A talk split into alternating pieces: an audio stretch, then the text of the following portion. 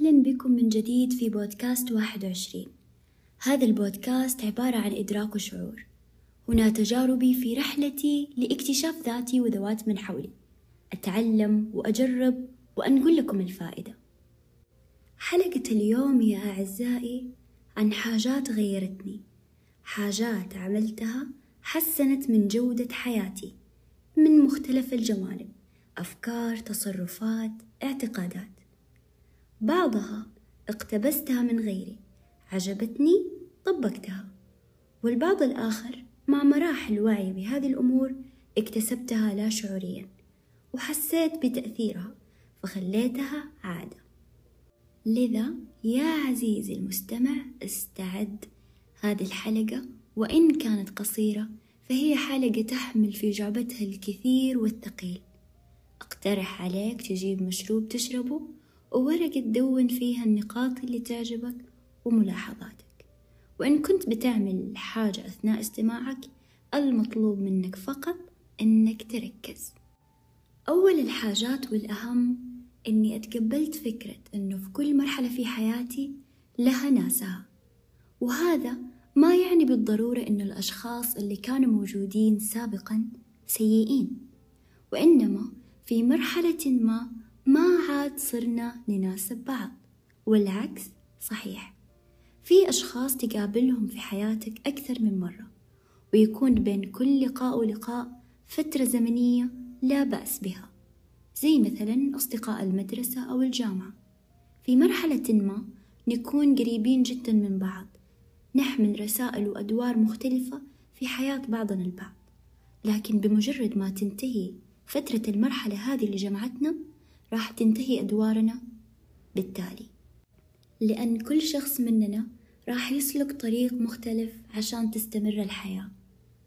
وألاقي أنا ناس تانية وهم كمان يلاقوا ناس تانية.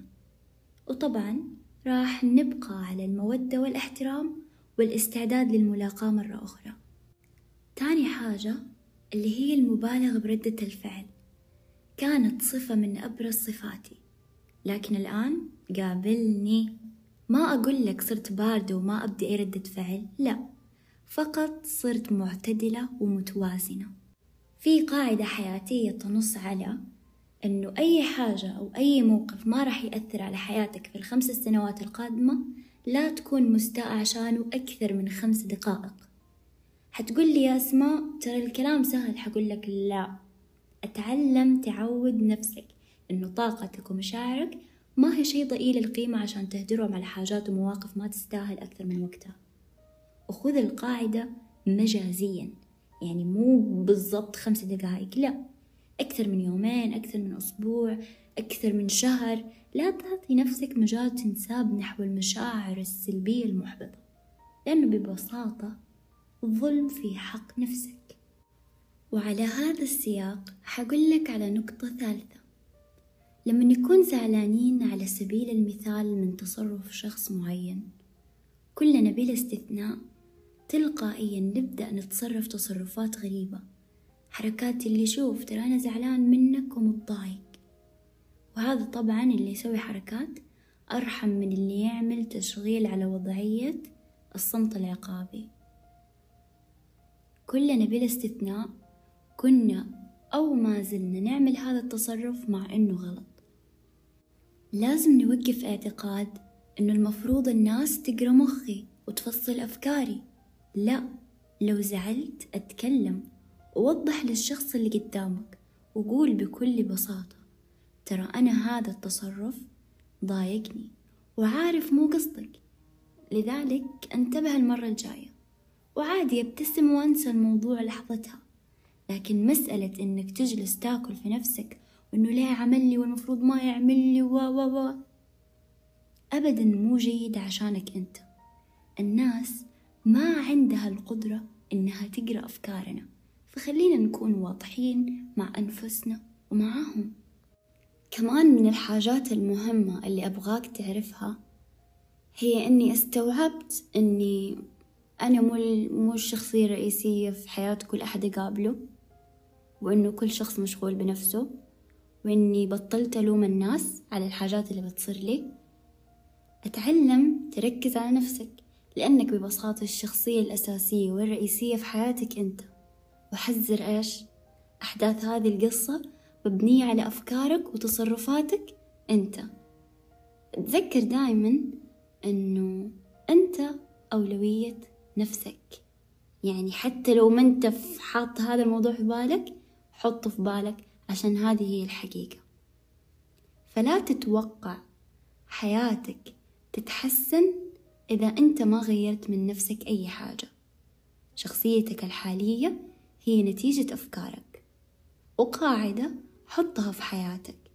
ما دمت تتصرف بنفس الطريقة لا تتوقع نتيجة مختلفة. يقول الله تعالى في سورة الرعد إن الله لا يغير ما بقوم حتى يغيروا ما بأنفسهم. هذه الآية الكريمة بمثابة شعار للمسؤولية تجاه دينك ودنياك بالأخص دينك. سابقا قرأت مقالة في أحد الصحف الإلكترونية كتبها أحمد إبراهيم الشريف يقول فيها أنا مؤمن بأن الإنسان سيظل تائها طالما لم يبحث عن الهدى وسيظل ضعيفا طالما لم يبحث عن القوة وستحكمه الخرافات طالما لم يبحث عن العقل وسيصاحبه الشقاء طالما لم يبحث عن الله. أخذتها بعين الاعتبار وحطيت في بالي أنه إذا أنا ما بحثت والبحث هو طبعا عبارة عن تفكير لحلول وإلى آخره ما راح أحسن من جودة حياتي. ما راح أحسن من تصرفاتي. بالتالي ما راح أغير من نفسي. والشي اللي أنا ما أبغاه إني ما أغير من نفسي. أبغى أغير من نفسي وأكون أحسن يعني أكون الفيرجن الأحسن من شخصيتي. فأنتوا كمان يعني سووا هذه الحاجة. في هذه النقطة اللي قبل النقطة الأخيرة راح أنصحك نصيحة. لا حد يحسسك إنه القطار فاتك. جاني هذا الشعور بعد ما تخرجت من الثانوي ووصلت لمرحلة مفترق الطرق مع أصدقائي أو صديقاتي. وهذه المرحلة اللي سببت لي هذا الشعور إني كنت أحس إنه إني متأخرة. وفي بعض من صحباتي كانوا يحسوا إنهم ماشيين بدري. وصارحنا بعض بهذا الشيء وعرفنا إيش السبب. وحأقول لك إيش هو السبب. السبب هو إنه أعتدنا على السير بشكل موازي مع بعض. في الابتدائي كنا مع بعض ندرس نفس الدروس نلبس نفس الملابس آه، معلماتنا نفسهم زي كذا إنه مع بعض في حاجات مرة كثيرة موازيين لبعض في كل الحاجات تقريبا. فلما نوصل لهذه المرحلة التخرج مرحلة مفترق الطرق اللي كل واحد يروح في طريق وناس تروح الجامعة ناس تاخذ دبلوم ناس تاخذ دورات احترافية وتشتغل بيها ناس تتزوج ناس تفتح مشاريع. فأبغاكم تسمعوا لهذا الكلام لمحمد جاويش هو صاحب أو صانع محتوى على تيك توك. أسمعوا لهذا الكلام اللي يقوله وأقابلكم بعدها. اتخرج 22 سنة وقعد خمس سنين بيدور على شغل. وواحد عنده 18 سنة بقى مدير شركة بس اتوفى 40 سنة واللي عنده 40 سنة لسه أول مرة يبقى مدير وعاش لحد 80 سنة. وواحد لسه متجوز ودفعته دلوقتي أباء وأجداد. وأوباما ساب الرئاسة وهو عنده 55 سنة وترامب مسك الرئاسة وهو عنده 70 سنة. كل واحد في العالم بيعيش بالتوقيت بتاعه. ممكن تحس إن في ناس سابقاك أو إنك سابق ناس تانية. بس الفكرة إن كل واحد في العالم ماشي في طريق مختلف وبتوقيت وحسبه وقت مختلفة فريح دماغك وما تركزش مع حد. انت مش متأخر ومش بدري. انت مظبوط على توقيت حياتك وطريقك انت. فعلا. انت مش متأخر ومش بدري. انت مظبوط على توقيت حياتك وطريقك انت. عيش حياتك وخليك مبسوط. كل حاجة حلوة راح تجيك وتصير لك في وقتها المناسب لك. من بعد ما صرت حاطة هذا الاعتقاد في بالي ما عاد صرت أركز على حياة أحد غيري. سخرت كل انتباهي على حياتي ومستقبلي وعلى شخصيتي وعلى نمائي وعلى نموي وعلى تطوري بس.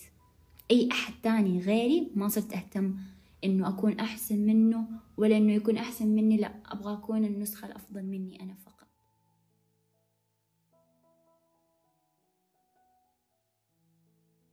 تعرفوا كتاب بداية الطريق؟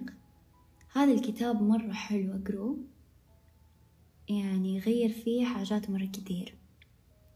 حقول لكم على حاجة قرأتها ذكرها الكاتب. هي طبعا مقولة لأحد الحكماء. قال فيها من لا ينتصر على نفسه لن ينتصر على غيره.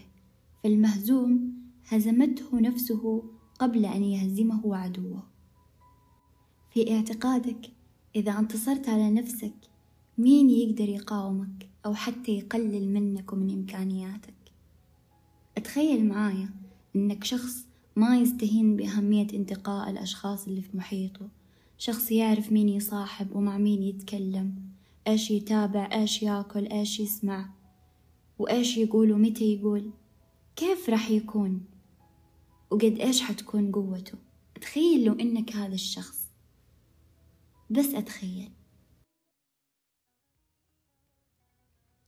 في النهاية ما بكتر عليك. أكيد أنت كمان عندك حاجات غيرتك. شاركني هي في التعليقات. شارك المستمعين كمان. وشارك هذه الحلقة مع الناس اللي يهمك إنهم يتغيروا للأفضل. كذلك لا تنسى تقيم الحلقة. وكالعادة راح أرفق في تليجرام ملحقات للحلقة. تلقى الرابط في الوصف. تابعني على إنستغرام وتويتر وتيك توك. وشكرا لاستماعك. كانت معاك أسماء. ألقاك في الحلقة الجاية.